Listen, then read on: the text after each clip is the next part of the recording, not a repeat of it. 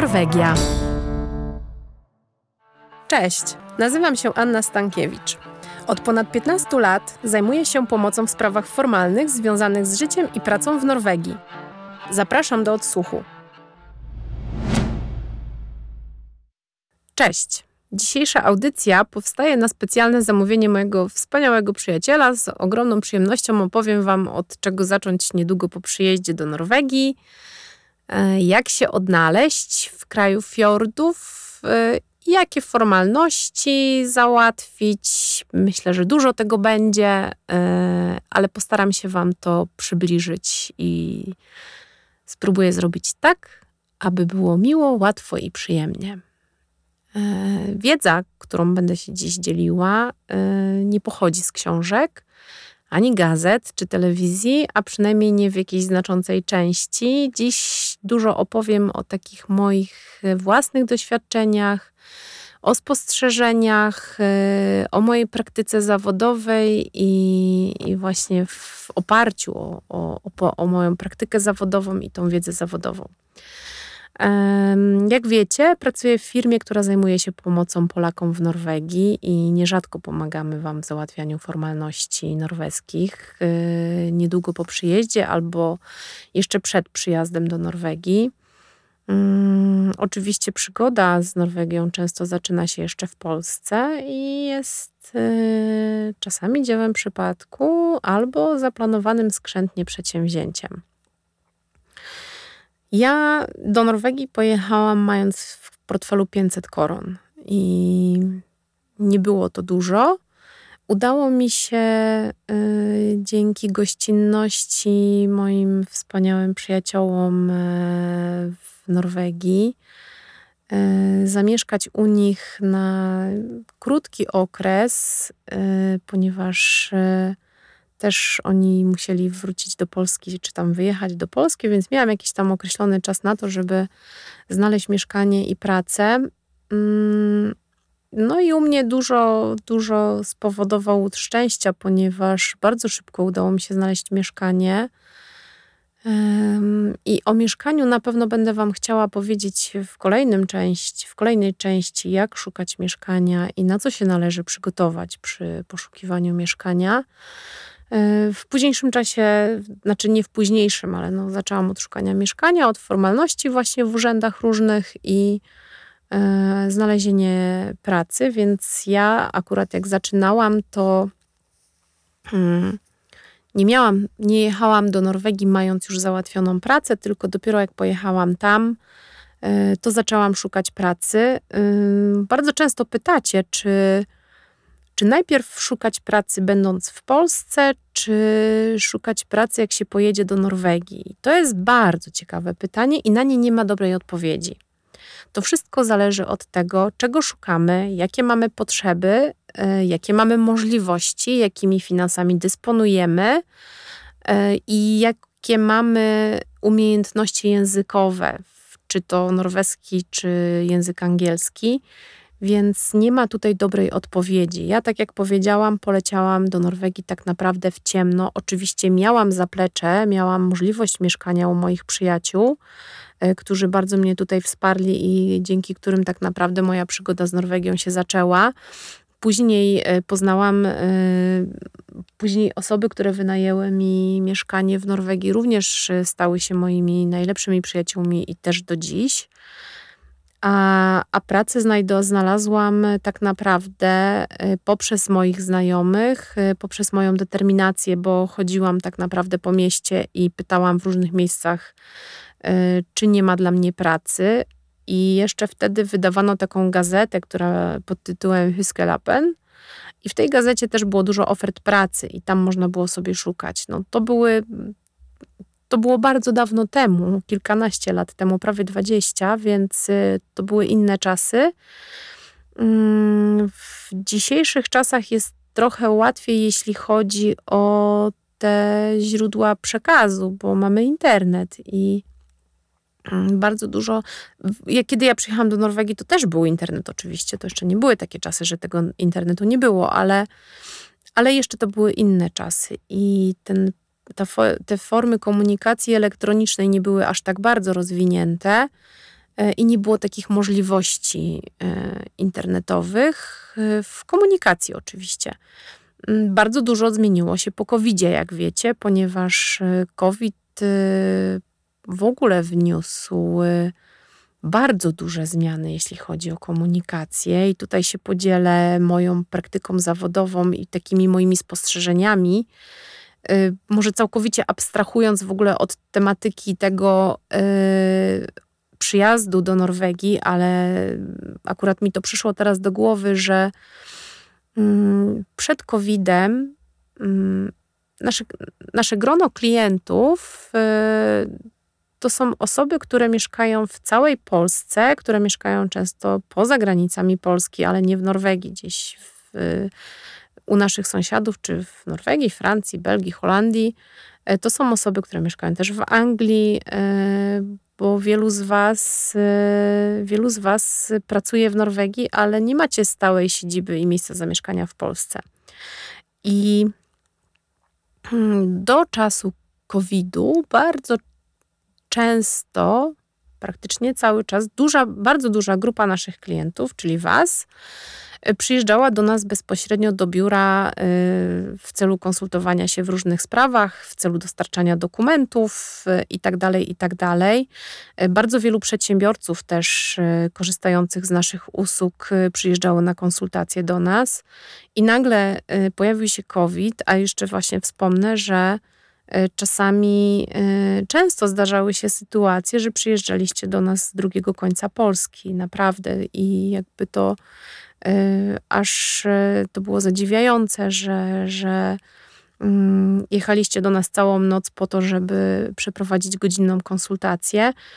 Mm, bardzo wiele konsultacji i różnego rodzaju negocjacji odbywało się właśnie e, face to face i u nas w naszej siedzibie biura. W czasie COVID wszystko się bardzo zmieniło i zaczęliśmy komunikować się za pomocą różnego rodzaju platform elektronicznych, e, gdzie można było porozmawiać na kamerach. I tak już zostało w dużej mierze, więc e, tak, to COVID bardzo dużo zmienił i mm, bardzo dużo konsultacji teraz przeprowadzamy właśnie w naszej firmie, przynajmniej za pomocą platformy, jednej z platform, takich, e, na których można rozmawiać, można prowadzić wideokonferencje.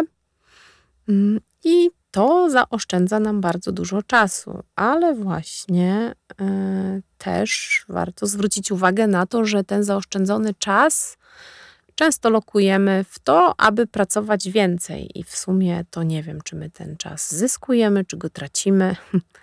To jest pojęcie względne, ale nie o tym chciałam dzisiaj mówić. E, więc e, tak, ja pojechałam do Norwegii i, i załatwiłam sobie pracę. Mm, bardzo duża grupa osób y, załatwia pracę jeszcze z poziomu tego bycia w Polsce. I to też jest dobra forma szukania pracy. Mm, ale może, może powiem o tym za chwilę jeszcze, bo tak sobie troszkę chciałam tutaj Wam po kolei o tym poopowiadać albo w sumie już może jak ten temat, tą tematykę szukania pracy rozpoczęłam, to może rzeczywiście dokończę. Dobra. Mm, więc e, tak. E, Norwegia nie jest e, co prawda członkiem Unii Europejskiej, ale należy do Europejskiego Obszaru Gospodarczego, co sprawia, iż ta przeprowadzka z Polski też jest stosunkowo łatwa i nie wymaga dopełnienia wielu formalności. No ale wiadomo, że musimy sobie znaleźć tam pracę. E, I teraz e, taką, taką stroną internetową, która zawiera chyba najwięcej e, ofert pracy, to jest fin.no. A, I tam można poszukiwać, tam jest ba umieszczonych bardzo dużo ofert pracy i na pewno to są bardzo poważne oferty pracy. To nie są jakieś hmm, Y, oferty widmo, ponieważ y, żeby móc ja jako przedsiębiorca i pracodawca potencjalny, żebym ja mogła umieścić ofertę pracy tam właśnie na tym portalu, to muszę zapłacić ponad 20 tysięcy koron. To są ogromne kwoty, więc jeżeli ja już poszukuję pracownika i decyduję się na umieszczenie tak drogiej oferty pracy y, na, tak, na portalu, y, no to ja tego pracownika naprawdę szukam. Mm, w Norwegii przedsiębiorcy szukają pracowników właśnie między innymi za pośrednictwem fin.no, ale też e, dużo ofert pracy umieszczają na stronie nav.no. E, I dostęp do tych ofert na stronie NAW y, tak naprawdę mają wszyscy, więc y, poprzez NAW również można szukać pracy, ale tylko osoby oczywiście, które mają już norweski numer personalny. Więc gdybyśmy chcieli szukać pracy z poziomu bycia w Polsce, to fin.no, jeżeli y, mamy jeszcze, jeżeli mamy dostęp do, do, jeżeli nie mamy, nie jesteśmy akurat aktualnie w Norwegii. Mm, jeszcze też y, różnego rodzaju gazety norweskie, które wydawane są w formie elektronicznej, no bo nie mówimy teraz o papierowej, ponieważ zakładam, że jesteście w Polsce, więc y, mm, Dużo gazet norweskich, które wydają właśnie elektroniczne wersje, one oferują one mają takie zakładki, gdzie tam są oferty pracy. E, w dzisiejszych czasach jest bardzo łatwo, ponieważ jeżeli korzystacie z przeglądarek e, Google czy Bing, czy, czy też innych, to jest chyba nieważne z jakich, e, większość tych przeglądarek oferuje tłumaczenie strony na język polski, więc no te tłumaczenia oczywiście nie są jakieś tam doskonałe, idealne, ale ale coś tam można już z tych tłumaczeń wyciągnąć i można, jak już się znajdzie to, czego się szuka, to można sobie później e, te, te tłumaczenia y, zrobić y, lepsze za pomocą. Na przykład, ja bardzo polecam, jeżeli chodzi o platformę, y, która robi tłumaczenia, to na przykład DeepL, czyli czyli taki fajny translator, który, który dosyć dobrze tłumaczy z języka polskiego na norweski i na odwrót. Sama korzystam, mimo tego, że biegle posługuję się językiem norweskim, to często, żeby sobie ułatwić pracę, to korzystam właśnie z takiego y, tłumacza. Mm, oczywiście nie tylko do języka norweskiego, ponieważ akurat w mojej pracy ja wykorzystuję wiele języków i, i korzystam z tego tłumacza w, w odniesieniu do wielu języków i świetnie naprawdę tłumaczy, bardzo polecam. Uważam, że jest lepszy niż tłumacz Google, więc... Y, ale tak, ym, mamy ułatwioną pracę, ponieważ y, jeżeli chodzi o szukanie, sprawę, jeżeli chodzi o szukanie pracy, ponieważ można w Google'ach sobie wyszukać ofert pracy właśnie na tej stronie FIN albo na przykład na stronach różnych gazet. Czyli mm, jeżeli zaczynacie od tego, że szukacie pracy, a nie wiecie gdzie, no to myślę, że Fin będzie najbardziej globalną platformą i tam e, wszystkie rejony e, całego kraju będą uwzględnione. A jeżeli macie określony kierunek, gdzie byście chcieli szukać pracy, to wtedy szukajcie sobie lokalnych gazet e, i tam w tych lokalnych gazetach również możecie szukać pracy. E, no i chyba od tego wypadałoby zacząć, jeżeli chodzi o Norwegię, jeżeli mówimy o wyjazd w celach zarobkowych, gdy nie macie jeszcze pracy, bo część z Was już ma na przykład pracę. E, bardzo dużo osób e, pracuje w Polsce, na przykład mając powiązania z Norwegią i wykonuje zlecenia na, dla Norwegów, będąc w Polsce, mm, ale z jakichś powodów różnych, często też z, chyba z takich pobudek finansowych na przyszłość, czyli w kontekście inwestowania w przyszłość. Jeżeli chcecie płacić sobie składki emerytalne w Norwegii, a wykonujecie zlecenia dla Norwegów, to wielu z Was właśnie decyduje się na to, aby pojechać do Norwegii i, i tam pracować, mieszkać, żyć ze względu na, na, na, na lepszą przyszłość finansową, jeśli chodzi o emeryturę, ale też na lepsze warunki i takie osobiste i społeczne, klimatyczne itd., tak itd. Tak y, o emeryturze na pewno będę w którymś z podcastów mówiła, bo wiem, że, że to jest bardzo interesujący temat dla Was i na pewno będę miała gościa y, i będzie to mm, mm, jedna z osób, która właśnie pracuje w ATS Pomoc w Norwegii mam, mamy ekspertów takich naprawdę od rent i emerytur, I ja nie czuję się aż tak bardzo na siłach, żeby w tych tematach się wypowiadać, ale zaproszę na pewno na rozmowę tutaj jedną z, jedną z pani z ATS, która bardzo chętnie i, i szeroko opowie właśnie Wam o tej przyszłości świetlanej norweskiej i na pewno będzie opowiadała o łączeniu e, emerytur z różnych krajów. Ale wracając do szukania pracy, to y, to, co mogę, to, co mogę poradzić, to już powiedziałam w kwestii takiego szukania. Y, jeszcze może bym chciała powiedzieć, że y, jeżeli nie macie wybranego rejonu konkretnego w Norwegii, to no tak w sumie nie miałam o tym mówić, nie przygotowałam się tak bardzo, ale bardzo pokrótce, gdybym mogła opowiedzieć o tych y, rejonach y, norweskich, to tylko weźcie pod uwagę, że e, na północy kraju i im dalej na północ kraju, tym bardziej długie zimy, ostre zimy. Mm, pokuszę się o stwierdzenie, że bardziej depresyjne są to klimaty na północy, z drugiej strony piękne widoki, krajobrazy, e, cudowne miejsca do łowienia ryb, do pływania, e, fantastyczne widoki, spektakularne niebo w kontekście natury i życia w naturze i takiego spokoju.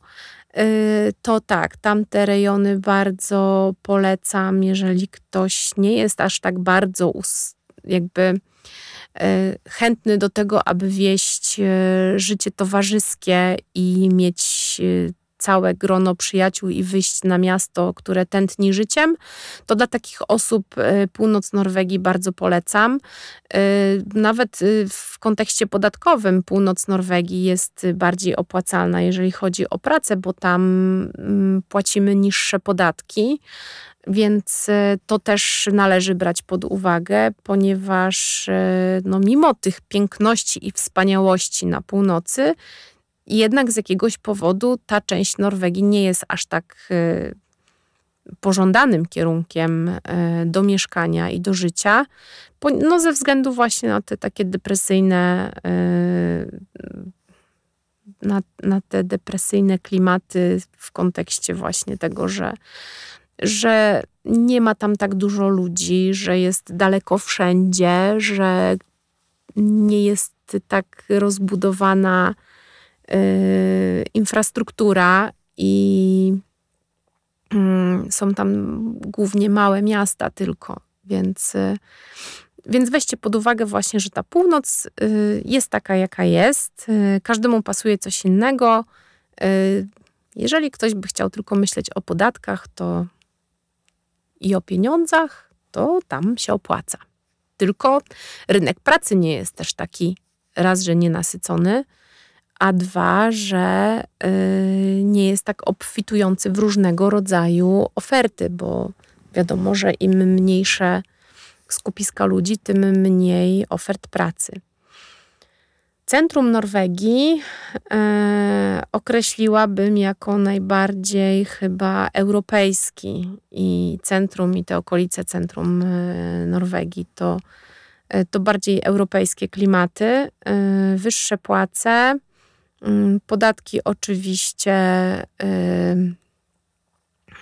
normalne, czyli już nie mamy tutaj preferencyjnych stawek.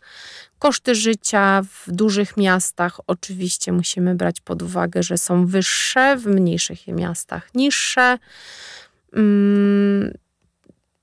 jeżeli mówimy, zależy też, co mamy na myśli, mówiąc centrum Norwegii, bo bardzo ciężko złapać ten moment, y, gdzie to centrum jest, ale jeżeli mielibyśmy mówić o okolicach Oslo, mm, bo mamy północ Norwegii, później jeszcze mamy Trondheim i jakby tą część taką y, ponad Oslo, mm, to w tamtej części też y, jeszcze mamy te noce długie, zimy długie i srogie ale też piękne krajobrazy. No i później dochodzimy właśnie do Oslo, gdzie tutaj już jesteśmy w bardziej europejskiej tej części. Oczywiście to jest drożej, rynek pracy jest e, dość chłonny. E, ofert pracy jest chyba w tych rejonach najwię najwięcej e, i najlepiej płatne. Mm, gdybym miała polecać, mm, jakby gdzie mieszkać, to wszystko zależy też od tego, co lubicie, jak lubicie. Y, w, na obrzeżach Oslo jest y, taniej, ale trzeba dojeżdżać zazwyczaj do pracy do Oslo, chyba że ktoś mieszka y, na obrzeżach i tam pracuje. No wszystko też zależy od tego, gdzie, gdzie będziemy mieli pracę. Mm, po Oslo najlepiej pos, mm, przemieszczać się oczywiście transportem publicznym. Jest tam infrastruktura jest naprawdę świetnie rozbudowana i transport publiczny jest y, tak rozwiązany, że można dotrzeć wszędzie i szybko. Hmm. Wschód, zachód. Y, tu bym powiedziała, że na zachodzie okolice Bergen, Stavanger. Mm, w Bergen, jak wszyscy wiecie, ciągle pada i to poziomo. E, tamte rejony też e, zachodnie są piękne, ponieważ większość tej zachodniej części to fiordy. Mm, jest tam cudownie i wspaniale, no ale tak jak mówię, ta pogoda Pogoda jest nieciekawa i byłam tam wielokrotnie i jakoś mi się też nie przytrafiło, żeby trafić na dobrą pogodę, ale krajobrazy są warte wszystkiego. Mm, południe Norwegii. Aha, no i ten rynek pracy tam w ogóle Mm, jeżeli miałabym powiedzieć o takich tendencjach, y, gdzie jest najwięcej Polaków, y, w sumie nie, nie badałam tego aż tak bardzo szczegółowo, ale Oslo oczywiście, Trondheim, Bergen, Stavanger, Kristiansand. Y, na północy Norwegii też wielu z nas się osiedliło. Mm, no, mamy jeszcze południe. Mm, tam jakoś e, e, można powiedzieć, że z południa Norwegii jakoś tak wielu e, was nie ma. Nie wiem, czy to jest kwestia tego, że mm, nie wiem, dlaczego te akurat rejony południowe nie są aż tak bardzo atrakcyjne, ale przepraszam was, ale akurat tak w sumie dopiero teraz wpadłam na to południe, więc Mm, zapoznam się z tematem i wrócę do tego może w następnym podcaście. Dopowiem y, coś o południu Norwegii, o samym tym takim południu, tam na samym dole. E, więc jeżeli chodzi o szukanie pracy, o takie rejony najbardziej atrakcyjne, to Wam powiedziałam. E, no i teraz, jak już znajdziecie sobie pracę, czy poprzez właśnie jakieś źródła elektroniczne,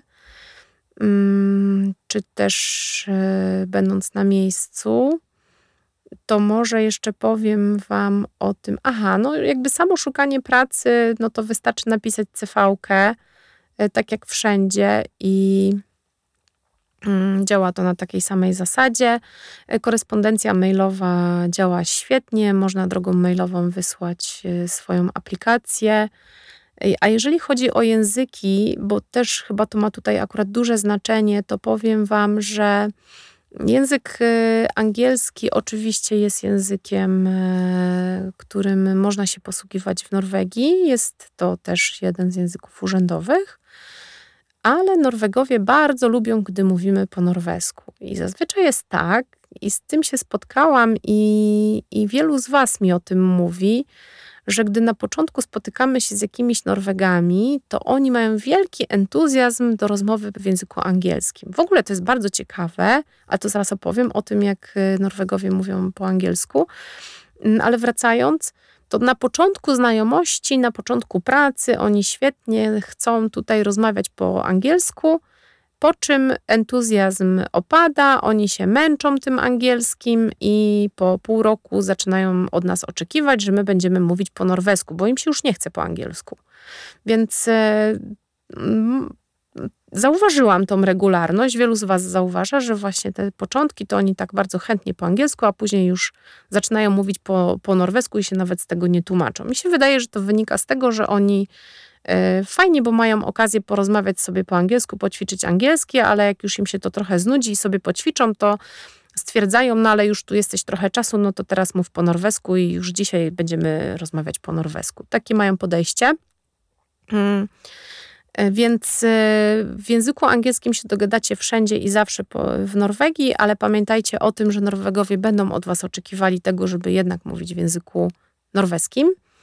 E, I to ciekawe, takie teraz już może nie. Właśnie ja mam bardzo dużo takich ciekawych spostrzeżeń, które pamiętam, kiedy przyjechałam do Norwegii, co mnie zaskakiwało bardzo. A teraz te granice się zacierają między, między tym, co w Polsce, a tym, co w Norwegii. I właśnie te, jeżeli chodzi o język, y, to kiedy ja przyjechałam do Norwegii, to dla mnie takie było niewyobrażalne, na przykład, że w Polsce moja babcia albo nasi rodzice biegle posługują się na przykład językiem angielskim. Y, I kiedy przyjechałam do Norwegii, to tam wszyscy mówili po angielsku i babcie i dziadkowie i rodzice i tak naprawdę każdy i małe dzieci. Więc język angielski jest y, językiem, który powszechnie występuje w Norwegii. Mm, I tak się zastanawiałam właśnie, y, skąd to się bierze, z czego to wynika. I mm, tu bym chciała powiedzieć właśnie o tym, że y, norweska, norweska telewizja, którą właśnie jako takie bym powiedziała, jedna z rzeczy, o której też będę chciała powiedzieć, a może już teraz właśnie powiem, um, która, mi, która jest dosyć istotna, bo zauważyłam też taki trend u, Polek, u Polaków, że e, gdy wyjeżdżacie do Norwegii, to od razu sobie instalujecie tą polską telewizję i oglądacie polskie programy i polską telewizję, a uważam, że akurat to nie jest e, to nie jest dobre. Uważam, że powinniście oglądać norweską telewizję. Nie dlatego, że ja tutaj teraz propaguję norweską telewizję i uważam, że jest świetna, ale ze względów językowych i nauki języka norweskiego. Bo Norwegowie na przykład yy, w swojej norweskiej telewizji oferują programy, oczywiście w języku norweskim i te programy, które są w języku norweskim, to na pasku na dole wyświetla się tłumaczenie na język angielski. Mm, z kolei, nie na wszystkich, ale na części, z kolei wszystkie programy, które w oryginale są y, emitowane w języku angielskim, mm, tłumaczone są na język norweski, ale tylko na dole na pasku. Dzięki temu Norwegowie bardzo przyswajają sobie język angielski, czyli jeżeli, ten, y, jeżeli ktoś ogląda telewizję, to, y, to jest jakby zmuszony do tego, aby osłuchiwać się z językiem angielskim. I tak samo dzieci. Od małego y, wszelkie programy w języku, który nie jest językiem rodzimym, puszczane są w oryginale. U nas tego w Polsce nie ma, u nas jest od razu lektor i tłumacz. Mm, szczerze przyznam, że E, od wielu lat nie oglądam telewizji polskiej, e, żadnej. I w sumie nie wiem, jak to teraz wygląda, ale podejrzewam, że nic się nie zmieniło. Więc e, tak, w kontekście języ nauki języka i tego, jak skąd Norwegowie ten język tak dobrze znają, no to oczywiście ze szkoły i, i właśnie na pewno utrwalają sobie ten język w telewizji. No i też myślę, że też przez to, że że jednak tej obcej e, siły roboczej w Norwegii jest e, bardzo dużo, też jest bardzo azylantów dużo i imigrantów tych politycznych, więc, e, więc ja myślę, że, że obcokrajowców jest tak dużo, że Norwegowie też mają więcej możliwości do tego, aby w tym języku, w innych językach rozmawiać, a no tutaj na przykład w angielskim głównie. Więc e, tak, język jest bardzo ważny i Norwegowie posługują się angielskim, ale chcą, abyśmy my posługiwali się w, w szybkim czasie jednak językiem norweskim i ten język jest bardzo ważny, więc miejcie to na uwadze. Mm, nie powiedziałam jeszcze o tym, jak jedziemy do Norwegii, ale już zaczęłam ten temat telewizji, bo ja bardzo by, bym chciała jeszcze Wam tutaj powiedzieć w dzisiejszej audycji o tym, E, jak się przystosować, jak się odnaleźć w tej Norwegii i jak się przystosować. I właśnie ta telewizja jest jednym e, z takich, telewizja i radio też, jednym z takich zagadnień, e, które warto poruszyć. Hmm. Więc tak, ja Wam zalecam. Oczywiście, no jeżeli ktoś tam bez tej polskiej telewizji nie może się obyć, to jak najbardziej, ale zalecam oglądanie jednak tej telewizji norweskiej i wiem, że w wielu polskich domach w Norwegii to się już stosuje i mm, po pierwsze, warto oglądać norweską telewizję ze względu na to też, żeby wiedzieć, co się w tej Norwegii dzieje. I nie tylko, no wiadomo, że norweska, te, norweska telewizja nie mówi tylko o tym, co w Norwegii, ale z norweskiej telewizji dowiecie się, co się dzieje w Norwegii, co się dzieje na świecie. E, pouczycie się przy okazji tego języka norweskiego, ponieważ te programy norweskie są e, po norwesku, a tłumaczone są na angielski, więc utrwalacie język. Mm, no, a te kwestie językowe, one mają ogromny wpływ na właśnie wasze samopoczucie w Norwegii, bo to wszystko się ze sobą łączy i miesza. E, I żeby się dobrze odnaleźć e, w kraju fiordów, i żeby się dobrze odnaleźć e, jako mieszkaniec, jako osoba pracująca, no to warto się asymilować i warto nie tworzyć grupek Polaków, którzy się spotykają we własnym gronie i wymieniają się doświadczeniami y, swoimi na, w Norwegii i y, narzekają, tylko właśnie warto spotykać się w gronach mieszanych, bo ja nie mówię, że trzeba y, w drugą stronę, żeby się z Polakami nie spotykać, oczywiście jak najbardziej, ale z mojego doświadczenia, z doświadczenia moich znajomych, przyjaciół, osób, które na przestrzeni y, tych prawie 20 lat y, spotkałam na swojej drodze, które mieszkają w Norwegii, na podstawie Waszych doświadczeń, mogę powiedzieć, że naprawdę warto, warto zaprzyjaźniać się z Norwegami, warto tworzyć jakieś relacje z Waszymi współpracownikami, czy to Norwegami, czy, czy Polakami. I nie rozdzielajmy tego właśnie tak bardzo. Ja wiem, że dochodzi tutaj taki aspekt trochę strachu i wstydu tego, że e, no dobra, ja spotkam się z Norwegami, ale o czym my będziemy rozmawiać, w ogóle to bariera językowa i tak dalej.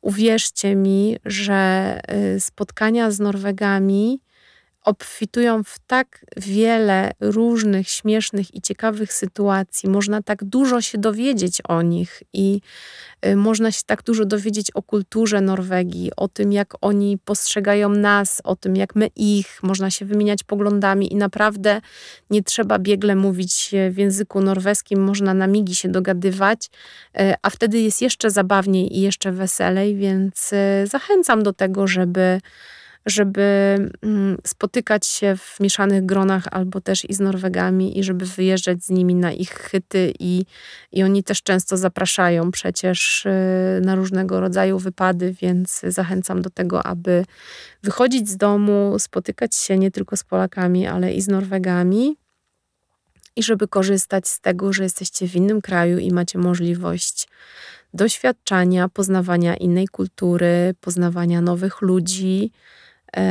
i, i uczenia się tak naprawdę, więc, e, więc już e, tutaj troszkę wyszłam do przodu, bo ja chciałam tak bardzo po kolei wam powiedzieć, że najpierw przyjeżdżamy, szukamy pracy, później przyjeżdżamy i tak dalej, i tak dalej. No ale dobra, wracam teraz do tego, że już znaleźliśmy pracę, no i postanawiamy sobie pojechać do Norwegii. I część z Was to postanowienie koncentruję na tym, że ok, zostawiam rodzinę w Polsce, czy tam znajomych, przyjaciół i to, co mam, czy też dzieci, a jadę na zwiady i będę pracować tylko y, na przykład rotacyjnie lub y, będę zjeżdżać na, na ferie, wakacje i tak dalej. Y, no bo tak możemy tutaj rozgraniczyć takie chyba dwie grupy y, imigrantów, właśnie tych y, do pracy wyjeżdżających. E, I to pierwsza grupa to są osoby, które właśnie planują wyjechać do Norwegii na początek może na zwiady, albo nie tylko na początek, ale żeby pracować samemu, a zostawiając rodzinę w Polsce. A druga grupa to są osoby, które postanawiają całymi rodzinami przenieść się do Norwegii lub jeżeli ktoś nie ma rodziny, to jakby postanawia, że i tak przenoszę się do Norwegii i tam będzie moje centrum interesów życiowych i tam sobie zamieszkam i, i spędzę resztę życia lub część. No i mm, podejmując taką decyzję, że właśnie y, przenosicie się na stałe do Norwegii, e, warto pamiętać o przewozie mienia przesiedleńczego, czyli wszystko to, co macie w Polsce, to, co używaliście dotychczas, możecie zarejestrować w Norwegii jako mienie przesiedleńcze. No bo też no bo trzeba pamiętać, że do tej Norwegii nie możemy tak sobie wozić wszystkiego i, i jakby załadowywać ciągle samochodu i przewozić nie wiadomo czego y, bez ewentualnych konsekwencji podatkowych y, i celnych. Dlatego też, y, jeżeli chcecie, żeby na samym początku już nie mieć jakichś kłopotów z władzami norweskimi, to warto zaplanować ten wyjazd dobrze. Więc jeżeli przewozicie swoje, swój dobytek, tak zwany w cudzysłowie, mm, to jest to mienie przesiedleńcze. I je można przewozić, gdy przenosi się miejsce swojego stałego zamieszkania właśnie do Norwegii. E, I to należy zgłosić na granicy, wypełniając oczywiście stosowne formularze zgłoszenia przywozu. Dostarcza się je do służb celnych e, w chwili zgłoszenia. E, no i tam trzeba sporządzić tą listę towarów z informacją, czy to są nowe, czy używane towary i dokonuje się odprawy celnej, zwykle się tam nic nie płaci. E, w ramach takiego mienia przesiedleńczego można prze, przewieźć taki majątek ruchomy gospodarstwa domowego mm, i wtedy na pewno nic za to nie zapłacicie. I to będą, e, to będą na przykład meble używane, sprzęty domowe, pościele, kołdry, krzesła itd., tak itd. Tak E, ważne, aby żeby to mogło być przewiezione bez cła i bez opłat, no to muszą one nosić ślady użytkowania, czyli to musi być jakby takie prawdziwe przeniesienie tego, co e, taka prawdziwa przeprowadzka, tak? Czyli pakujemy swoje rzeczy, całą zawartość domu, przewozimy do Norwegii, zgłaszamy jako mienie przesiedleńcze e, i robimy, tylko to musi być zrobiona właśnie cała lista tego mienia. Mm, no i warunek też jest taki, że wiadomo, jest się właścicielem tego i w dalszym ciągu będzie się tego używać w Norwegii. Nie pochodzi to, nie jest to sprowadzane po to, aby, yy, aby to sprzedawać. Myślę, że może warto też powiedzieć o tym, że no jak już przewieziemy to mienie przesiedleńcze, no to trzeba byłoby chyba tutaj zacząć od formalności. E, ja jak przyjechałam do Norwegii, to wszystkie formalności załatwiałam sobie sama. E, głównie dlatego, że potrafiłam mówić w języku angielskim biegle po przyjeździe do Norwegii i ten język mi uratował życie, bo tak naprawdę dzięki y, biegłej znajomości języka angielskiego y, czułam się w Norwegii jak ryba w wodzie i jakby żadna formalność ani nic nie było tam dla mnie przeszkodą. Wszystko było do załatwienia. Więc jeżeli mielibyśmy zaczynać od formalności, to warto wspomnieć o tym chyba na początek, jakie mamy urzędy, które, które te formalności będą załatwiały. E, więc e, i o tych urzędach na pewno też będę robiła podcast, ponieważ e, będę chciała Wam powiedzieć, jakie urzędy czym się zajmują dokładnie. I tym samym bym chciała powiedzieć o tym, jakie sprawy w ogóle w Norwegii i jak się załatwia, jakie sprawy wy załatwiacie przez nasze biuro y, i z jakimi problemami się mierzycie, ale to też jest temat na jakiś y, kolejny podcast. A tymczasem mm, powiem Wam o tych urzędach. Więc mamy y, UDI, jest to Urząd do Spraw Cudzoziemców, który wydaje dokumenty rejestracyjne i to są ten UDI działa przy tak naprawdę posterunkach policji i mm, jest taka, tak, ten dokument o rejestracji to jest właśnie taka rejestracja na policji. E, obywatele krajów Unii Europejskiej nie muszą już mieć pozwolenia na pobyt. E, wydaje mi się, że pozwolenia zostały zniesione w 2011 roku. Przepraszam, nie sprawdziłam tego, ale e, do 2011 pozwolenia były potrzebne później już tylko rejestracja. Tak naprawdę ta rejestracja niewiele zmieniła, e, jeżeli chodzi o sam fakt złożenia dokumentów i wymogów tych e, formalnościowych. E, zmieniło się tylko to, że wcześniejszy dokument nazywał się pozwoleniem na pobyt i pracę, a teraz nazywa się to potwierdzenie rejestracji na policji. Mm, osoby, które przyjeżdżają do Norwegii i chcą tu mieszkać i pracować, właśnie muszą się w tym UDI zarejestrować i można to zrobić przez internet. I to też bardzo ciekawa rzecz, y, jeżeli mówię o, o tych zwyczajach norweskich i jak się odnaleźć, y, no to muszę się tu zatrzymać, bo mm, Norwegia jest krajem wysoko rozwiniętym, jeżeli chodzi o sposoby komunikacji elektronicznej I a w szczególności po covid to już w ogóle chciałam, ja mam takie spostrzeżenie, bo ja bardzo dużo pracuję z urzędami norweskimi, no praktycznie non-stop. I mam takie spostrzeżenie, że już całkiem się rozleniwili po, po bo jeszcze do czasu COVID E, można było sobie pójść do norweskiego urzędu podatkowego i załatwić sprawę. Czyli jak sobie szłam ulicą i pomyślałam sobie, o, mam tu jeszcze sprawy do załatwienia, e, to weszłam sobie z ulicy do urzędu podatkowego, pobrałam jakiś formularz, coś tam wypełniłam i złożyłam. No teraz tak nie ma. Teraz po covid zrobiło się tak, że żeby pójść do urzędu podatkowego, to trzeba sobie umówić wizytę. I można to zrobić przez internet, więc jest to duże ułatwienie, no ale jednak e, w niektórych urzędach te kolejki e, są takie, że trzeba czekać nawet nieraz 4 tygodnie na wizytę w urzędzie, a czasami nawet 6. Więc nie spodziewajcie się, że jak e, ktoś wam powie, umów sobie wizytę do urzędu, to wy sobie tam poklikacie na internecie i jutro na 12 będzie wizyta. To tak niestety nie będzie, ale taki protip mogę wam przekazać, że jeżeli nie ma dostępnej godziny na stronie urzędu jakiegokolwiek i są te godziny naprawdę bardzo takie terminy odległe, y, to można codziennie, dzień w dzień sobie sprawdzać, ponieważ y, jeżeli ktoś na przykład miał umówioną wizytę i ją odmówi, to akurat ten system na tyle fajnie działa, że te godziny wracają na kalendarz w danym urzędzie, ten internetowy, e, więc na przykład nam, kiedy w naszej firmie, gdy my próbujemy naszym klientom umówić jakieś wizyty właśnie w urzędach, a wiemy, że bardzo się pali, to codziennie praktycznie sprawdzamy na kalendarzu, czy przypadkiem nie wpadły jakieś godziny i zdarza się, że wpadają. Więc to jest taki, taki protip, możecie o tym sobie zapamiętać, o tym pamiętać na przyszłość, gdyby wam się bardzo paliło. W każdym razie po covid już wizyty w urzędach niestety trzeba umawiać elektronicznie i trzeba sobie tam umówić wizytę na datę i godzinę. Oczywiście im mniejsza miejscowość, wiadomo, godziny, e, terminy są szybsze, im większa, tym są bardziej odległe. I tak, i bardzo dużo rzeczy można w Norwegii załatwić przez internet. Urzędy odpowiadają na maile. Jak już się dostaniemy do jakiegoś urzędnika, to można sobie drogą mailową z nim popisać.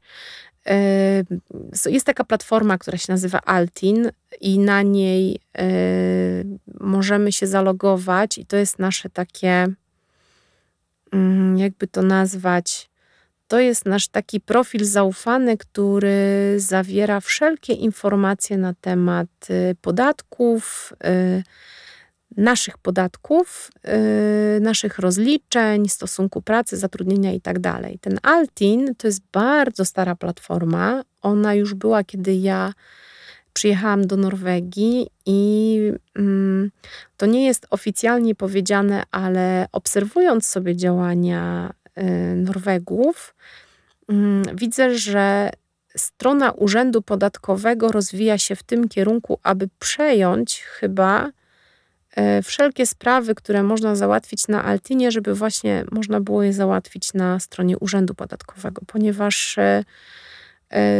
przenosi się bardzo dużo usług właśnie z tego portalu Altin na stronę Skatetaten, czyli urząd, urząd Podatkowy. I Urząd Podatkowy stworzył jakiś czas temu właśnie panel podatnika. I na tym panelu podatnika można załatwić już tak naprawdę wszystkie sprawy podatkowe. Y, I coraz więcej spraw podatkowych i coraz więcej takich spraw związanych z rezydencją, z zaświadczeniami z i tak dalej, i tak. Więc ja myślę, że na przestrzeni paru lat y, portal Altin zniknie, a strona Skatetatn y, i ten profil y, podatnika na Skatetatn się bardziej rozwinie. Więc tak, wszystko można załatwić elektronicznie. Mam porównanie tutaj z Polską z innymi krajami nie tak bardzo, ale z Polską mam i mogę powiedzieć, że 90% spraw, które w Polsce trzeba załatwić papierowo, w Norwegii załatwimy elektronicznie bez wychodzenia z domu. To jest świetne, to jest takie duże ułatwienie. Y, naprawdę y, dla mnie to jest coś, y, coś niesamowitego i tak mi to też ułatwia pracę i mm, obywatelom bardzo ułatwia to sprawę, ale też i ogranicza jakby te znaczy myślę, że nie ogranicza na pewno y, potrzeb kadrowych, bo spraw jest bardzo dużo i te sprawy przecież ktoś musi obsługiwać, ale ogranicza kontakt ten taki y, fizyczny i też y, myślę, że zaoszczędza dużo czasu. Mm, rozmowy takie przez zakładki kontaktowe na stronie Altin, czy przez właśnie stronę Skatetatn, Y, one są nawet, y, te, te, dialogi, które tam się prowadzi z urzędnikami, y, to nawet dosyć szybko odpowiadają. Więc ja też mogę powiedzieć, że na przestrzeni lat reakcja urzędu na zapytania czy na wnioski, czas reakcji zmniejszył się o 70%, więc bardzo dobrze. To wszystko idzie w dobrym kierunku. Mamy też stronę mm, NAW, czyli e, Urząd e, Pracy i Polityki Społecznej. I Urząd NAW zajmuje się wszelkimi sprawami, które dotyczą emerytury, rent, zasiłków chorobowych, zasiłków dla bezrobotnych itd., e, itd. Tak tak I tam też można się zalogować na swój własny profil, i tam załatwiamy wszelkiego rodzaju sprawy związane właśnie z zasiłkami i z tym, co wcześniej powiedziałam i też wszystko elektronicznie. Tak naprawdę do NAW to nie wiem, czy w ogóle jeszcze jest potrzeba, żeby pójść, bo wszystko można załatwić elektronicznie. E, każdy ma swojego opiekuna, czyli jeżeli otwieramy jakąkolwiek sprawę, czy zasiłek macierzyński, czy emerytalny, czy pogrzebowy, czy jakikolwiek inny, to e, składając wniosek elektronicznie, od razu mamy swojego opiekuna sprawy i z nim się kontaktujemy, i tam mamy dialog też na tej stronie z nim, więc, e, więc to jest bardzo, bardzo fajne ułatwienie. Mamy właśnie też UDIK, o którym wspomniałam, gdzie załatwiamy sprawy rejestracji przyjazdu. Mamy też Folkeregister, czyli Wydział to jest taki e, Urząd Ewidencji Ludności, który działa przy Urzędzie Podatkowym w Norwegii akurat. E, I tam załatwiamy sprawy meldunkowe. E, I mamy jeszcze HELFO, czyli taki odpowiednik polskiego NFZ-u i tam również wszystko załatwimy elektronicznie, czyli jakieś zaświadczenia A1, S1, wybór lekarza pierwszego kontaktu, to wszystko załatwimy tam na stronie HELFO. Więc tak, to przy, a propos właśnie y, tego interneto, internetowych możliwości, to tak naprawdę wszystko teraz załatwimy internetowo. Ja pamiętam, kiedy przyjechałam do Norwegii, to y, na policję musiałam lecieć y, osobiście, do urzędu podatkowego leciałam osobiście, do NAW pielgrzymki praktycznie robiłam, więc wszystkie urzędy musiałam stawić się osobiście.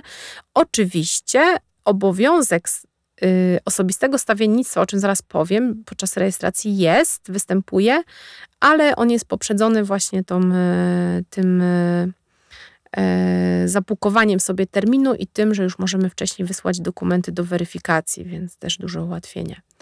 No to wracając do tego UDI mm, i do rejestracji, no to po tej rejestracji w internecie należy zgłosić się do najbliższego posterunku policji. Oczywiście on już tam jest wyznaczony, data, godzina i wszystko. E, I tam e, i tam okazujemy swoje oryginalne dokumenty. I e, oczywiście ważny dokument tożsamości lub paszport i zaświadczenie też jest potrzebne o zatrudnieniu, umowę o pracę. Zaraz jeszcze powiem o tym, e, jakie są warunki tej rejestracji i o co z tym chodzi, ale też jeszcze bym chciała powiedzieć, że jeżeli chodzi o, mm, o załatwianie tych formalności po przyjeździe do Norwegii, to małe miasta oferują e, nam stawiennictwo osobiste właśnie w UDI i w Urzędzie Podatkowym, bo tam trzeba się stawić osobiście. A duże miasta oferują możliwość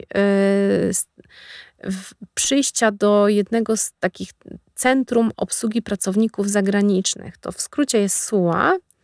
E, I te centra są właśnie stworzone na potrzeby e, osób, które przyjeżdżają dopiero do Norwegii i chcą dokonać rejestracji. To jest świetny w ogóle twór, bo tylko tych centrów w całej Norwegii jest około 11 lub 12. Już nie pamiętam teraz ile, też nie chcę tutaj kłamać, ale to nie ma większego znaczenia.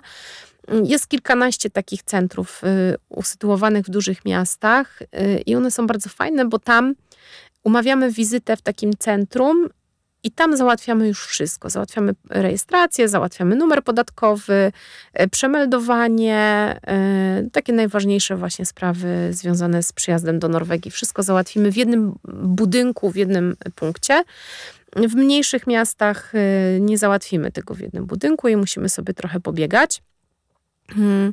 Fajne jest to, że możemy na przykład, jeżeli mieszkamy albo planujemy mieszkać w małym mieście, jeżeli chcemy, to możemy sobie y, umówić wizytę w najbliższym sąsiadującym dużym mieście, które właśnie takie centrum ma i tam możemy sobie te formalności załatwić, więc to jest do wyboru.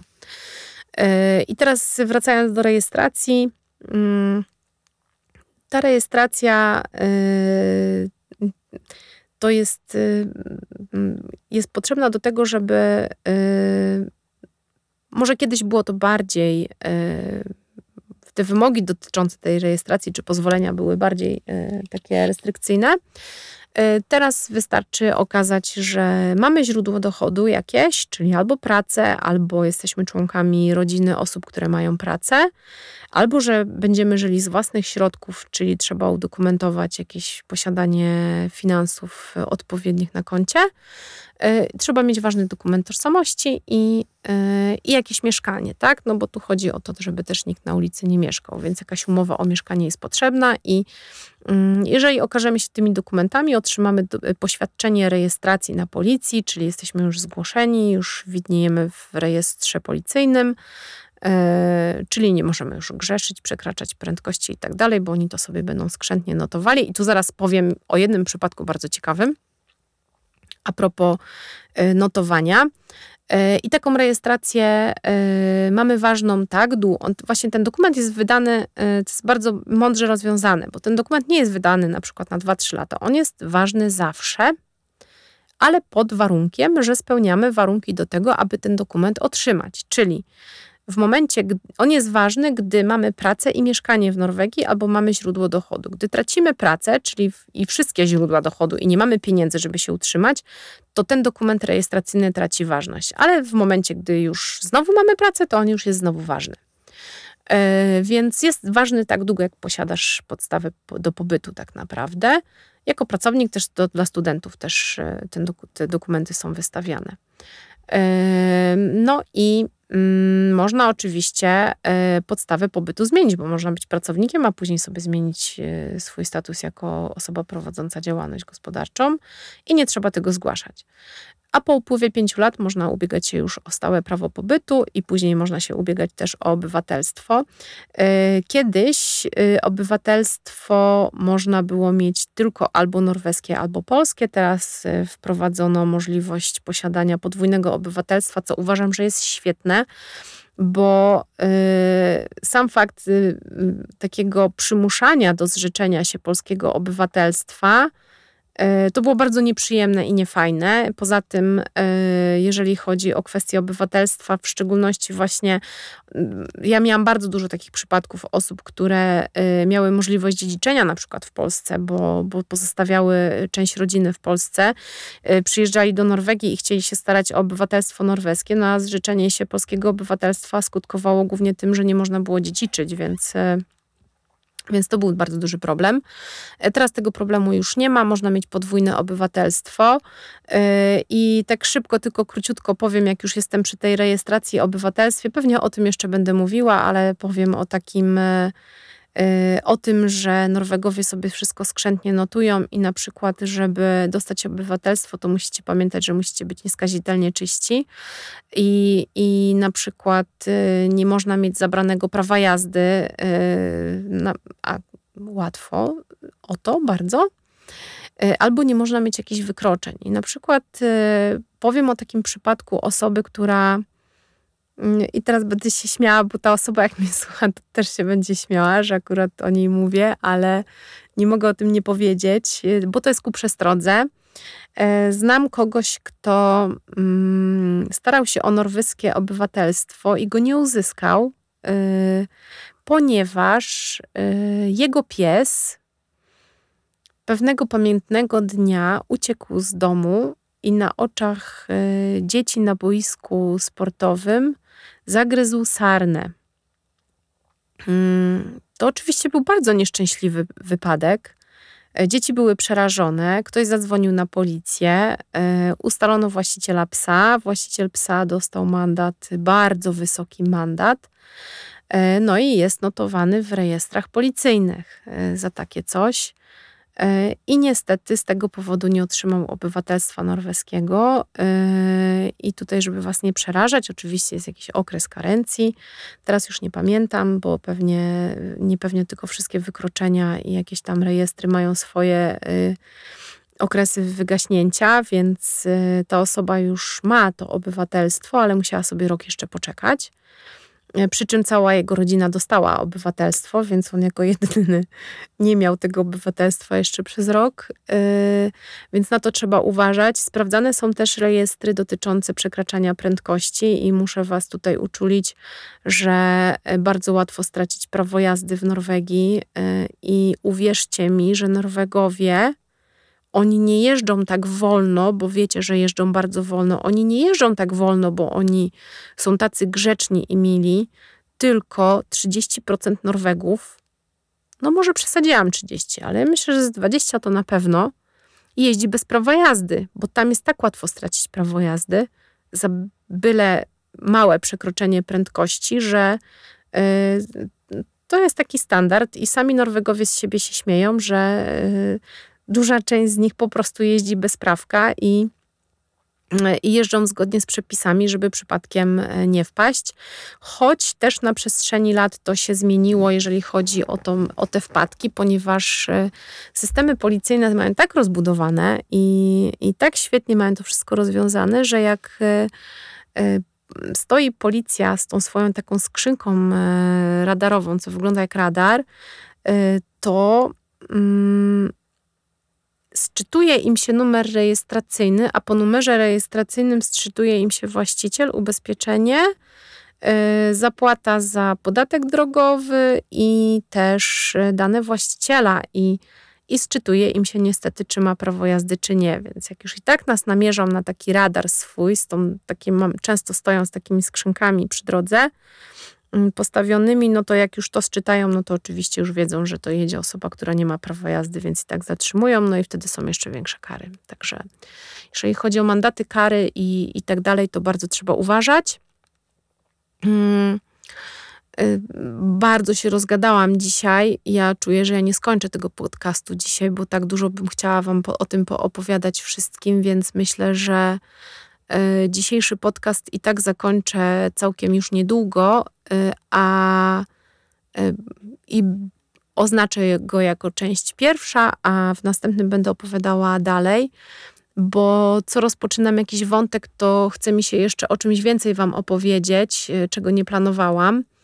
Więc tak, e, wracając do, do pobytu, do wykroczeń, to możecie mieć właśnie teraz podwójne obywatelstwo e, i pamiętajcie o tym, że mandaty w Norwegii są bardzo wysokie za przekroczenie prędkości. Warto sobie wygooglować, zanim pojedziecie do Norwegii, i wydrukować tabelę wykroczeń i ceny, bo mandat za przekroczenie tam od 30 to jest rzędu ponad 10 tysięcy koron, więc naprawdę trzeba o tym pamiętać, jeżeli nie chce się ponosić aż tak dużych strat finansowych. Ciekawostka. Też przyszła mi do głowy a propos mandatów, że te mandaty często są tak wysokie, albo e, kary za wykroczenia drogowe są tak surowe, że e, są więzienia w Norwegii, które są przeznaczone dla osób, które miały jakieś wykroczenia drogowe, bo bardzo często jest tak, że albo już sama w sobie kara zawiera jakieś tam 5 dni więzienia na przykład, albo w Norwegii jest tak, że jeżeli mamy jakiś mandat finansowy mm, w postaci jakiejś tam kwoty, to można, on jest od razu, w tym mandacie jest napisane, na ile dni w więzieniu to się e, zamienia.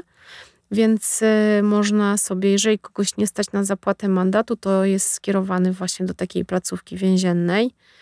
Mm, no i to oczywiście są placówki, które, y, które nie skupiają więźniów z różnych kategorii, tylko właśnie są takie specjalne placówki, które y, skupiają osoby, które dostały mandaty i nie są w stanie ich zapłacić, albo popełniały takie wykroczenia, które już nie są możliwe, żeby tylko zapłacić karę finansową, ale trzeba y, posiedzieć trochę w takiej placówce, więc też to jest taka ciekawostka dla Was pewnie.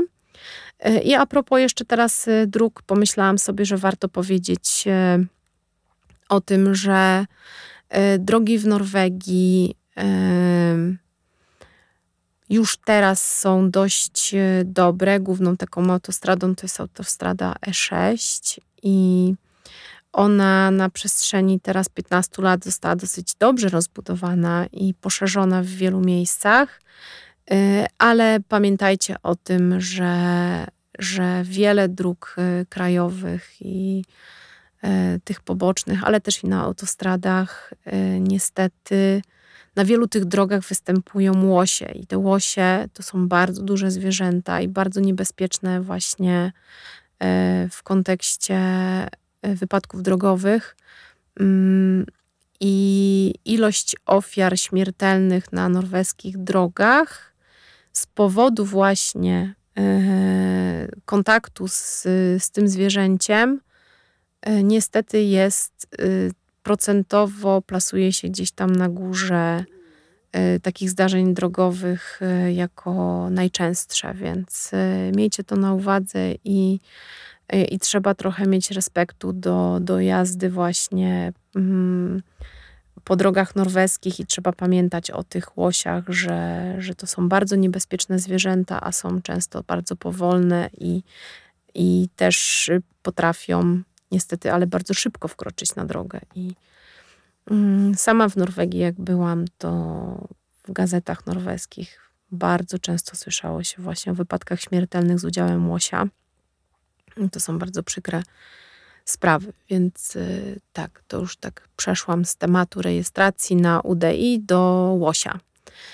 Y, więc dalej może powiem o, o dalszej części tej rejestracji w Norwegii i o, bardzo króciutko o karcie podatkowej, bo jak ja zacznę o karcie podatkowej mówić, to już do jutra bym mogła mówić, więc mam nadzieję, że się tak nie rozgadam za bardzo no to jak już załatwimy formalności albo w tym centrum SUA, albo w urzędzie podatkowym i, i na policji, e, to, e, to wtedy trzeba pomyśleć o numerze personalnym i o karcie podatkowej.